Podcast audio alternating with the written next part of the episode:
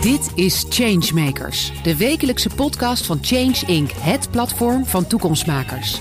Iedere week gaat Paul van Liemt in gesprek met de helden van de toekomsteconomie. Krachtige leiders uit familiebedrijven, multinationals, MKB-bedrijven, start-ups en scale-ups. Die kleur bekennen, richting geven en tempo maken. Vernieuwers voor wie verandering geen agendapunt is, maar een business case. Want morgen wordt vandaag bedacht. Cornelis Boersma is ondernemer, hoogleraar duurzame zorg en innovatie en consultant. Hij combineert wetenschap, beleid en ondernemerschap om op een effectieve manier impactvolle verandering tot stand te kunnen brengen. Welkom Cornelis. Dankjewel Paul. Ja, geweldig hè. Changemaker van de week bij Change Inc. Dat is heel mooi. Daarmee natuurlijk al van harte gefeliciteerd. En je weet het hè, je luistert geloof ik ook heel vaak. Je weet gewoon hoe we beginnen. Het duurzame nieuws dat je de afgelopen tijd is opgevallen. Wat is jou opgevallen? Ja, deze week uh, is mij met name opgevallen dat het RIVM gepubliceerd heeft over uh, de Green Deal uh, en de Green Deal zorg. En hoe dat in, in Nederland onder zorgmedewerkers uiteindelijk ervoor gezorgd heeft dat er meer bewustwording is. dus dat is goed nieuws. Um, maar daarbij moet ik wel zeggen dat we nog wel moeten gaan kijken naar hoe we impactvol kunnen zijn vanuit de zorg. Dus, Zullen we dus- eerst even beginnen met ja. die Green Deal zorg? Want dat is voor jou een heel bekend begrip. Maar ik moet toch eventjes goed de hersenen bij elkaar zetten nu. Want wat is het precies? Wat wordt er nu mee bedoeld? Nou, dat zijn eigenlijk uh, allerlei uh, partijen binnen de zorg uh, die uiteindelijk de Green Deal kunnen ondertekenen. En zich daarmee eigenlijk ook committeren aan uh, nou ja, de, de duurzaamheidsdoelstellingen uh, die we, klimaatdoelstellingen die we hebben en hoe de zorg daar uh, ook een bijdrage aan kan leveren. En hoe kan dat? Kun je een voorbeeld geven? Nou, er zijn, er zijn x aantal initiatieven. Ehm, dus bijvoorbeeld in het Radboud ziekenhuis is het initiatief ontstaan om de um, OK te verduurzamen. Ja. dus dat is een heel mooi initiatief, wat ook al echt concreet is. Uh, maar je kan ook denken aan uh, bijvoorbeeld iets als groene tandzorg, waar uh, nou ja, ondernemers actief zijn om ervoor te zorgen dat ze uiteindelijk ja, ook een bijdrage leveren vanuit in dit geval dan de tandzorg, aan een duurzamere uh, ja. uh, zorg. Van de gele naar de groene tandzorg, dat is een beetje flauw. maar ik begrijp wat je bedoelt. En het gaat om de impact, hè, dat is belangrijk. Dat zeg je steeds, dat vinden wij ook erg belangrijk om dat te benadrukken. Het is geweldig om over te praten, om over na te denken, maar vooral om het te doen. En het dan ook op grote schaal te doen. Hoe kun je die, met name die groene zorg, gaan we straks nog wat langer op doorgaan, maar hoe kun je die, hoe kun je die impactvol naar voren brengen? Nou ja, ik denk, ik denk dat, eh, dat uh, als je gaat kijken naar de initiatieven die er zijn, dat dat al heel enorm mooi is. Maar wat, wat, wat van belang is, waar veel van die initiatieven tegenaan lopen, is toch zeg maar die randvoorwaarden voor succes. Dus uh, je kan, hè, pilots, projecten zijn er denk ik genoeg.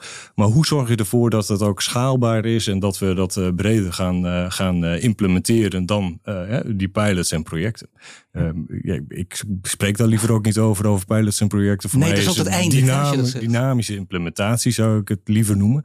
Ja. Um, maar ik denk dat, dat met name die randvoorwaarden, en dat is natuurlijk ook een soort van buzzword, maar waar ik het dan over heb is, um, uh, daar waar problemen ontstaan qua financieren, dat je ervoor zorgt dat je helpt mee financieren of voor financieren. Ik bedoel, je moet verandering financieren. Uh, het andere is dat je ook wil uh, meten uh, wat voor impact je hebt. Dus dat moet je wel. Vaak is het zo dat er achteraf nagedacht wordt over van, wat is nou die impact. En ja, dan moet je na gaan denken over hoe je dat nou gaat meten. Nou, dat is toevallig ook iets wat in dat RIVM-rapport naar voren komt. Van hoe zien die indicatoren eruit en hoe gaan we dat dan straks monitoren? Ja, maar dat is wel heel goed. Hè? Dat je het inderdaad ook kan meten, weten waar je ook mee bezig bent. En heel duidelijk. En dan kun je dus mensen ook op een goede manier op afrekenen. Dus het is goed gedaan of niet goed gedaan. En dan weet je wat je moet veranderen. Ja, en je, en je kan meten wat werkt en wat niet werkt. Nou is het aardige dat jij een behoorlijke stap in je leven hebt genomen. Hè? Want ik gaf net in mijn aankondiging al aan wat je nu doet. Ik zal nog een paar dingen noemen. Betrokken bij drie start-ups. Dat kun je echt ondernemer noemen. Hè? In, in de gezondheidszorg. Hoogleraar duurzame zorg en innovatie. Dus college geven en ook onderzoek doen.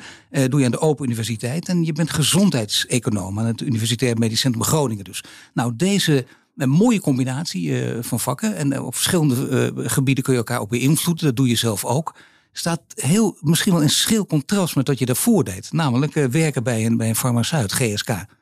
Daar ben je weggegaan. Ja, nou ja, ik moet allereerst zeggen dat ik daar ook bewust naartoe ben gegaan. Uh, omdat ik uh, tijdens mijn promotie en na mijn promotie eigenlijk het traject zat om nou ja, te kijken of ik ook hoogleraar zou kunnen worden. daar hoort buitenlandervaring bij en dergelijke. Ik had een ondernemingje, een advies, adviesbedrijfje. En toen dacht ik van ja, kan ik dat ook in één rol zeg maar combineren? En nou ja, laten we zeggen, uh, impact hebben op de zorg voor mensen. En ook zeg maar uh, dat doen met innovatie. En destijds uh, bij GSK een, denk ik, vrijwel vooruitstreef, vrij vooruitstrevende CEO, Sir Andrew Wetty. Die eigenlijk ja, het, het motto. Sir ook nog. Ja, Kijk eens. die had het, het motto van um, de, het aandeelhouderswaarde, zeg maar, gelijk schakelen aan de waarde voor de maatschappij. En dat sprak mij enorm aan. En ik moet zeggen dat um, ik ook vanuit GSK uh, hele bijzondere projecten heb kunnen doen. Uh, ten behoeve van zeg maar, uh, de gezondheid van mensen. Um, maar ook ja, daarmee een, een, belangrijke bijdrage, ook maatschappelijk en economisch, heb kunnen leveren. Dus maar jij zegt eigenlijk op een heel nette manier tegen mij, nou schril contrast is een tikje overdreven. Nou, ik, ik, ik, denk, ik denk zeg maar dat, dat, dat er, er valt veel over de farma-industrie te zeggen. Zeker. Um, maar ik vind het uh, ook wel terecht om uh, hier te vermelden dat veel innovatie, zeg maar, toch ook vanuit die sector uh, komt. En dat dat er anders niet zou zijn geweest. dat dat bedrijf ook, zeg maar, in een transformatie zit en dat daar ja. wellicht ook zaken anders zouden moeten. dat, we, daar ben ik ook van, zeg maar. Dat is, die mening ben ik ook toegegaan. Nou ja, Follow the Money heeft pas een tegel gewonnen. Hè? Het onderzoek naar Roach. Ik bedoel, er zijn dan, op dat gebied is er inderdaad nog heel wat te verbeteren. Er worden ook goede dingen gedaan, maar je bent niet voor niets toch weggegaan een andere stap genomen.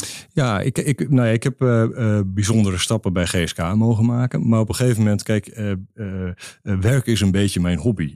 ik heb bij een introductie, um, dat was toevallig dat ik bij GSK begon, wel eens verteld van werk is, wij mochten hobby's delen, werk is mijn hobby. En dan zaten mensen mij aan te kijken en die zaten te denken van ja, die is niet helemaal goed. Um, maar ja, toen heb ik ook geantwoord van, uh, ja, als het niet je hobby is, het is wel zeg maar hetgeen waar je de, door de week zeg maar het meest mee bezig bent. Uh, dus voor mij is dat, uh, is dat, dat, dat hobby en ik ben niet met de context getrouwd. Dus voor mij is het heel erg belangrijk dat ik kan zien dat ik iets doe en dat dat impact heeft. Ja. en dat, dat is mijn drijfveer.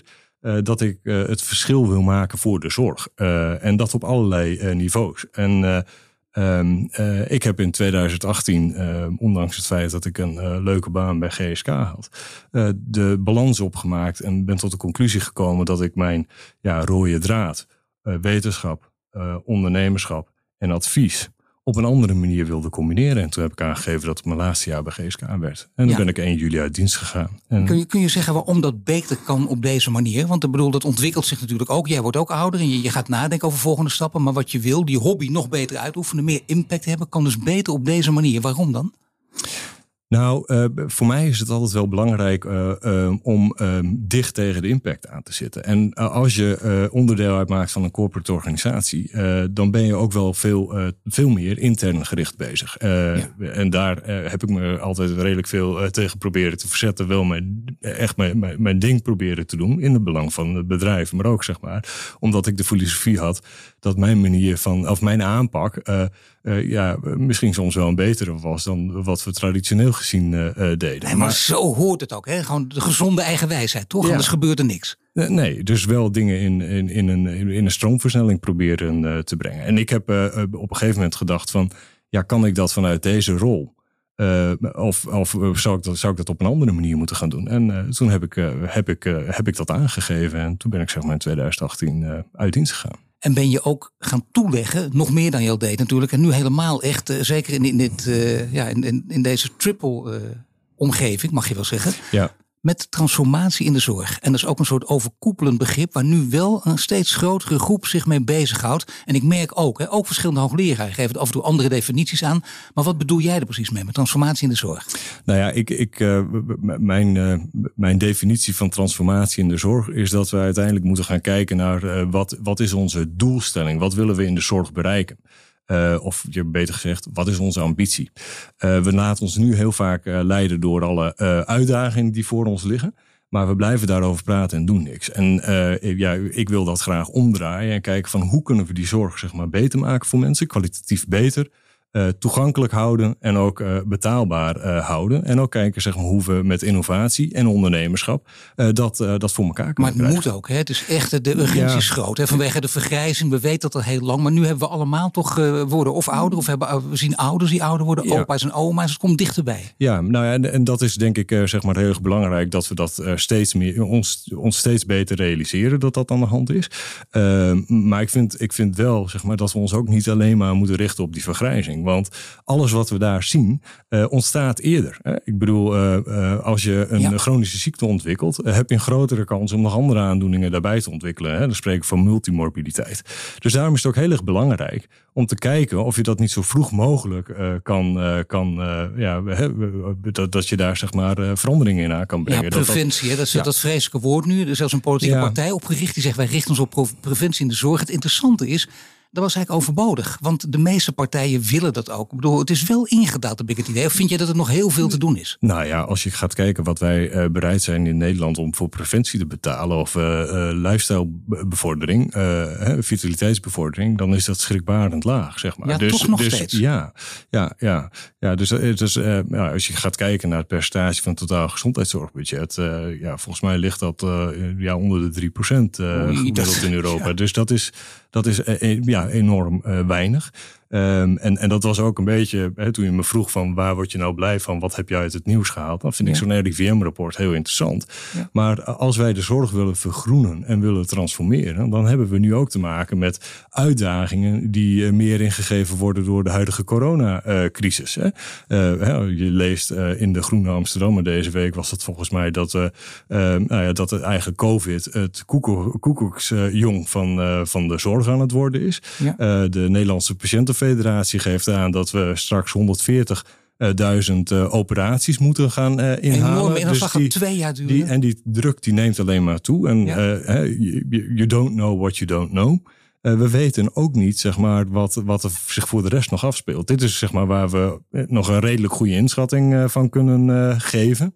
Ehm, maar ik denk dat er ook nog ontzettend veel zich onder het wateroppervlak bevindt. Maar wat bedoel je daarmee? Nou, dat, dat, daar, als je nou gaat kijken naar uh, uh, jongeren die uh, eenzaam zijn, dep depressief. Mm. Als je naar de, um, um, de, de. Ondernemers die failliet gaan? Ondernemers die failliet gaan. Dat gaat ook gepaard met, met gezondheidszorgproblematiek. Enorme stress in die wereld, tuurlijk. Ja, dus en, en, en ja, daar moeten we straks, wat mij betreft, echt in investeren. En niet zeg maar die zorg maar blijven budgetteren. Zeg maar ik, maar dus goed dat, dat jij die 3% even noemt. Ik schrik er een beetje van, omdat je, je hoort er wel inderdaad heel veel veel over praten.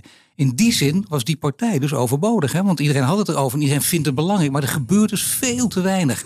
Wat mij betreft bijna gebeurt er veel te weinig. Ja, ja, ja. dus uh, ja, absoluut. Ja. Maar het, het, punt is, uh, hoe komt het eigenlijk? Hè? Als je toch het idee hebt dat veel mensen erover eens zijn dat dat moet. Uh, waar, waar zit dan de hobbel om die stap te nemen? Want dat, dat is natuurlijk waar transformatie in de kern om draait. Nou ja, ik denk dat uh, dat, uh, dat heeft ermee te maken, zeg maar, hoe we uh, de bekostiging in Nederland ook regelen. We betalen, zeg maar, in de zorg voor verrichtingen en niet voor gezondheid. dus daar, daar is nog wel een ja, behoorlijke stap te, te maken. Daarnaast, zeg maar, daar zijn ook vele rapporten over geschreven, werken we veel vanuit silo's. Terwijl veel meer vanuit een ecosysteem, naar mijn mening, zouden moeten samenwerken. En ook kijken naar uh, hoe je, hè, daar komen we weer terug op hetzelfde thema waar we het eerder ook al over hadden. Maar hoe je ook zeg maar meet uh, uh, wat wel werkt en wat niet werkt. Dus dat je ook investeert in die, in die moni monitoring.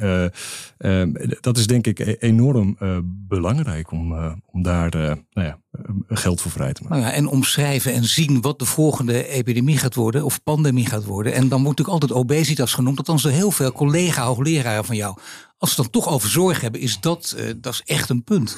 Ja, nou ja, en, en dan is het denk ik ook weer belangrijk om terug te gaan kijken van waar komt die obesitas nou uh, ja. vandaan. Uh, ik, ik heb, uh, dat was volgens mij ook een, een, een plaatje van de Sociale Economische Raad, als ik het goed heb, maar die laten ook zien, zo'n zo'n zo'n Outlook 2040, dat bijvoorbeeld psychosociale problematiek bij jongeren veel groter aandeel gaat hebben als onderdeel van het zorggebruik. Nou, daar ontstaat nog veel meer zorgproblematiek uit. Dus, en dan denk ik, dan is het belangrijk om daar nu, uh, nou in ieder geval uh, iets tegen te gaan doen. Uh, Ja, dat is, daar heb je het weer. Er moet iets tegen gedaan worden. Dus meer, niet alleen erover praten, maar echt iets doen. Exact. Zie jij al directe projecten in Nederland of in bepaalde wijken van je zegt, nou, dat kan misschien wel als voorbeeld voor ons allen dienen?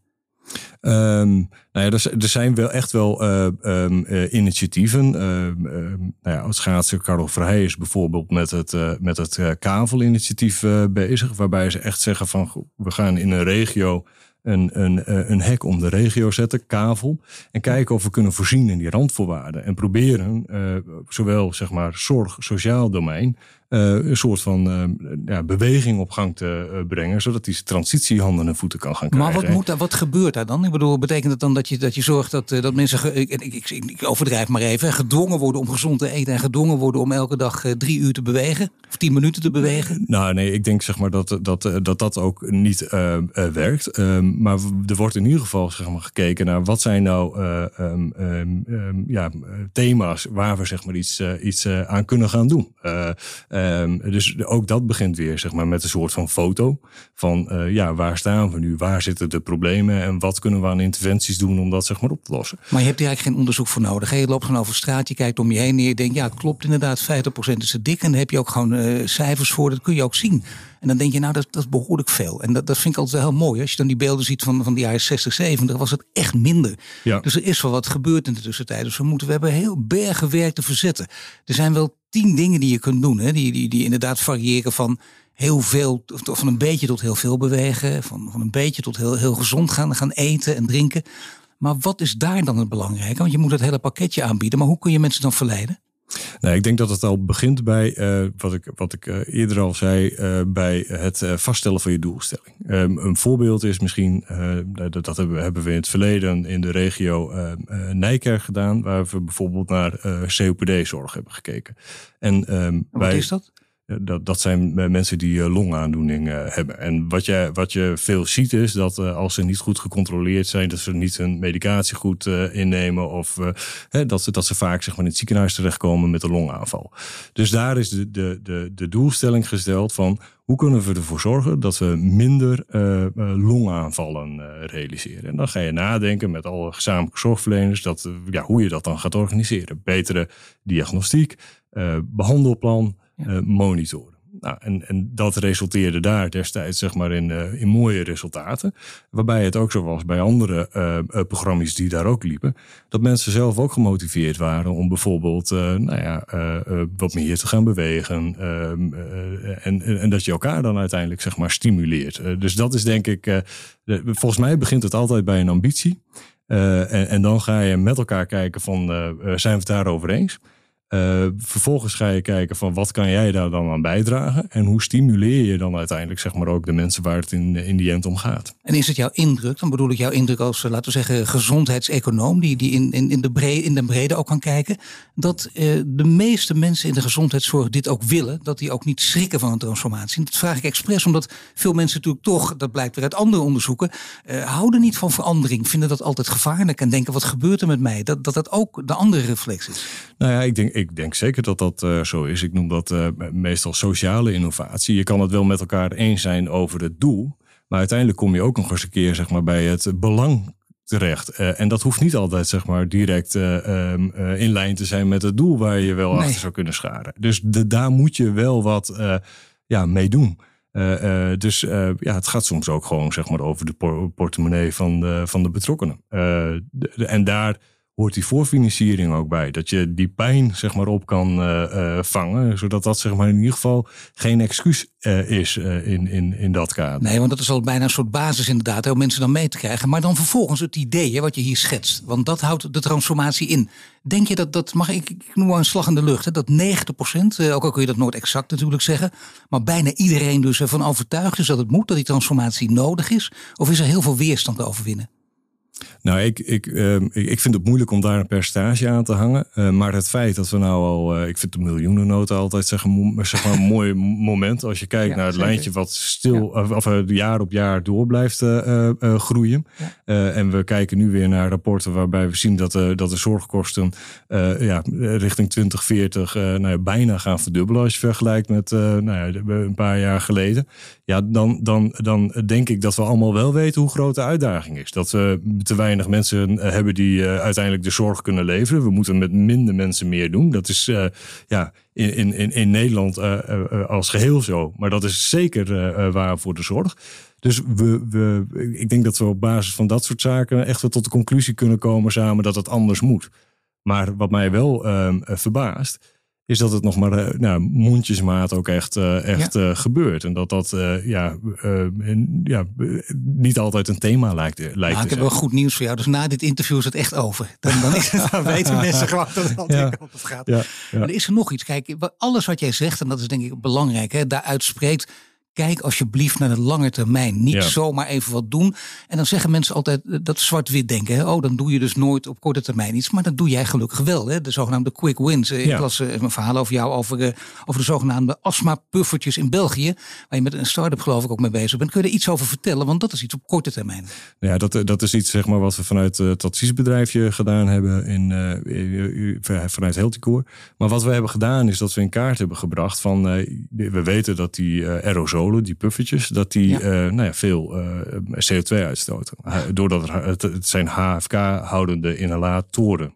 En uh, toen hebben we berekening gemaakt om inzichtelijk te maken voor de medische professie in, in, in België wat dat zou kunnen betekenen op het moment dat je daar een andere keuze voor maakt. wat kan, want er zijn ook poederinhalatoren. Nou, en dat is substantieel. Uh, dat, dat, uh, daar schrok ik zelfs van. Uh, dat, dat je bij wijze van spreken het stoppen daarvan, dat het overeenkomt met ongeveer iets van 3000 retourvluchten van Brussel naar, naar Londen. Zo, ja, dat zijn hele mooie vergelijkingen, want nu schrik ik er ook van. Dat is ja, waanzinnig. Ja, ja, dus, uh, dus dat, uh, nou ja, dat, dat soort vergelijkingen hebben we gemaakt. En uh, toen werd het ook door de toenmalige minister omarmd. Die zei van, nou ja, we hebben onze doelstellingen. Maar als we ook het laaghangend fruit kunnen plukken, dan is dat, ja, moeten we dat zeker doen. En dat is, dat is inderdaad wel iets, ja, bij mij begint het altijd met lange termijn. Ja. En dan ga ik kijken, wat kunnen we nu al doen. Ja, tuurlijk. Dus, nee, dat is ideale, ja. de ideale manier van werken misschien wel. En bij de ideale manier van werken hoort ook wat anders. Kijk, we hebben het net gehad over werk. En jij zegt werk is hobby. Mensen kijken je gek aan. Jij legt uit waarom dat helemaal niet zo gek is. Kijk eens hoeveel tijd je per week eraan besteedt. En dan moet het ook leuk en prettig zijn. Dat heeft ook zijn reflectie natuurlijk op de manier waarop je met leidinggeven omgaat. Hoe kijk jij naar leidinggeven? Wat is jouw manier van leidinggeven? Nou ja, voor mij is het eh, in, per definitie zo dat uh, leidinggeven, uh, dat dat niet zeg maar conform een one size fits all kan. Dus voor mij is dat uh, echt in de, in de één op één relatie dat ik gewoon wil weten van wat drijft iemand, hoe wil iemand zich ontwikkelen en, en daar gewoon invulling aan geef. Um, en nou, dat vind ik hele inspirerende trajecten, want ik geef zeg maar de, de mensen waarmee ik werk geef ik iets, maar ik krijg er ook enorm veel voor terug. Uh, en wat ik wel aardig vind is dat uh, mensen besluiten uiteindelijk altijd zelf um, uh, hoe ze een ontwikkelplan zien. Maar ik kan er wel enorm van genieten op het moment dat je daar dan ook een rol in hebt kunnen spelen. En, maar dat is heel dienend leiderschap. Hè? Maar stel nu dat, dat, dat mensen, ik vertel, je, je, je mag het ontkennen hoor, maar ik vertaal het een beetje zoals jij het nu zegt. Ze mogen het zelf bepalen. Je hebt er ook plezier in als ze zich ontwikkelen. Dat klinkt heel dienend.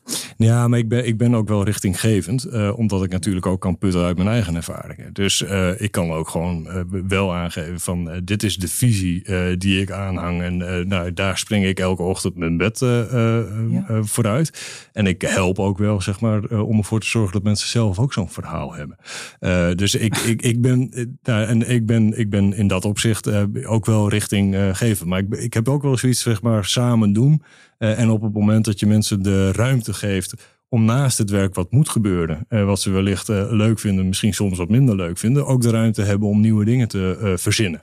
Uh, en, en nou, ik kan daar enorm van genieten op het moment dat dat ook van de, van de grond komt. En als je met een team wil werken, wil je met, met het beste team werken. Dat wil zeggen de mensen die gewoon heel goed zijn in hun vak. En heel vaak werd daarbij vergeten dat je ook, ook dat heb jij, hè? je werk is je hobby, je moet ook plezier hebben. Ja, nou dat is heel erg belangrijk. En uh, wat, wat, wat ik ook belangrijk vind, dat, uh, dat het potentieel wat iemand heeft, is voor mij belangrijker dan een, een check-the-box list van voldoet iedereen, of iemand zeg maar aan al de criteria.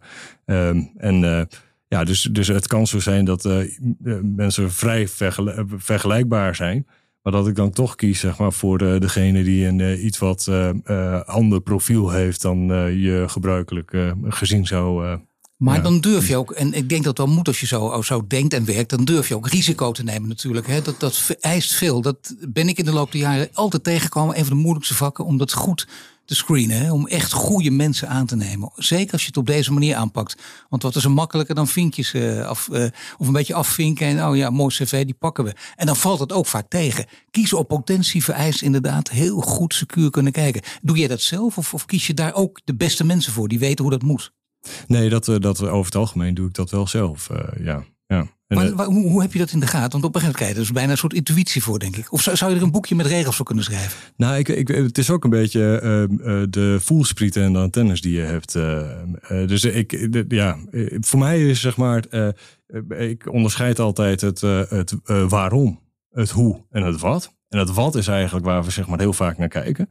Maar ik wil weten waarom iemand zeg maar, ergens voor kiest. En waarom dat past in een, uh, in een, uh, in een uh, carrièrepad.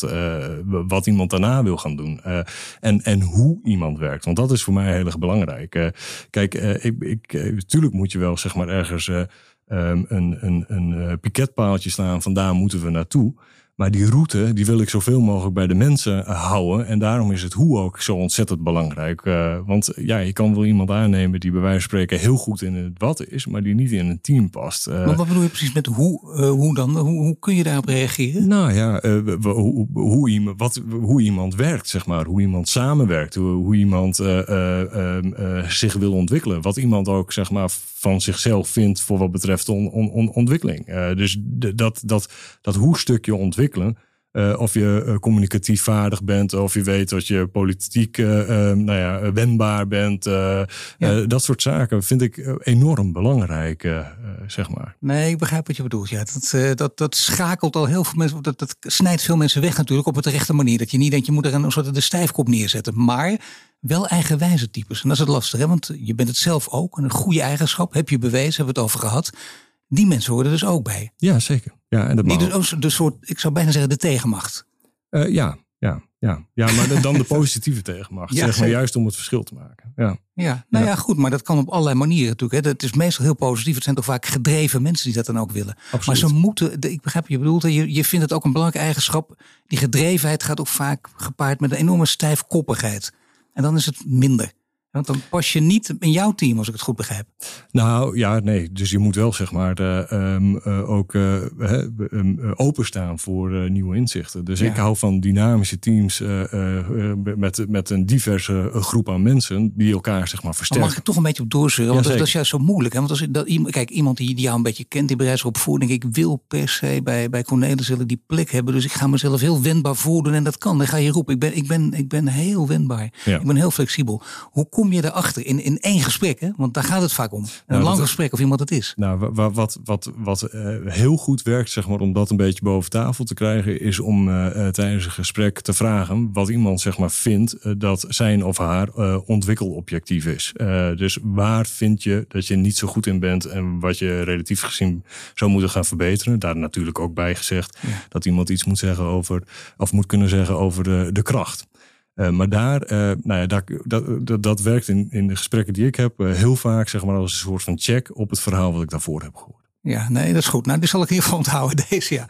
Cornelis, nu komt de beste vraag. En de beste vraag komt niet van mij natuurlijk. Hè, die komt van de community. Leggen we altijd voor welke vragen onze lezers van Change Inc. Ze konden stemmen op een vraag die ze graag terug willen horen in deze podcast. Dus deze vraag geworden. Wat gaat er goed in het verduurzamen van de zorg en wat kan er beter? Dan moet je dus twee punten. Wat gaat er goed en wat kan er beter? Nou, ik denk wat er, wat er echt goed uh, gaat, is dat die uh, bewustwording uh, er meer is. Dus dat gaat meer leven, zeg maar, onder ja, mensen die in de zorg werkzaam zijn, verschillende zorgpartijen. Ehm, wat ook goed gaat, is dat we meer initiatieven zien van mensen die ook, ondanks het feit dat er tegenmacht, kracht is, toch gewoon doen. Uh, dus dat is uh, mooi. Uh, wat denk ik nog niet goed gaat, en daar hebben we het zojuist ook al over gehad, is dat we niet voorzien in de randvoorwaarden om ook het echt voor elkaar te gaan krijgen. En, Zorg voor goede financiering, als je tenminste impact wil maken. Daar gaan we toch steeds Ja, precies. En, en ook dat je gaat, ja, precies. Dus dat, dat je gaat kijken naar die financiering, bekostiging. Ja. En dat je ook gaat kijken naar nou ja, uiteindelijk hoe je op andere manieren met elkaar gaat samenwerken en dat ook kan monitoren. En Uh, wat ik denk wat ook heel erg belangrijk is, is dat we nu de learnings zoals we die uh, uit de COVID-situatie hebben gehaald, uh, ook meenemen om ervoor te zorgen dat je, dat je, dat je nou ja, echt niet als een excuus, maar duw in de rug om ervoor te zorgen dat we die, die zorgtransformatie verder handen en voeten gaan geven. En daar past ook bij vergroening van de zorg. want ik denk dat dat namelijk een heel interessant haakje is voor die transformatie die zo hard nodig is. Ja, nou heel mooi van jou, want daar was jij mee begonnen. Daar eindigen we ook mee. Dat zijn de beste films ook, ook de beste interviews. Cornelis, hartelijk dank voor dit gesprek. Je luistert naar een podcast van Change Inc., mede mogelijk gemaakt door onze partner Ebbingen. Tot volgende week. Bedankt voor het luisteren naar de Changemakers podcast. Een productie van Change Inc., gepresenteerd door Paul van Liemt. Wil je dat meer mensen geïnspireerd worden? Deel de podcast dan op sociale media. De Changemakers podcast is tot stand gekomen in samenwerking met onze partner Ebbingen. Ebbingen kent, verbindt en ontwikkelt de leiders van de toekomst. Wil je meer afleveringen luisteren? Abonneer je dan nu via je Spotify, Apple Podcast of je favoriete podcast-app en krijg een melding wanneer er een nieuwe aflevering online staat.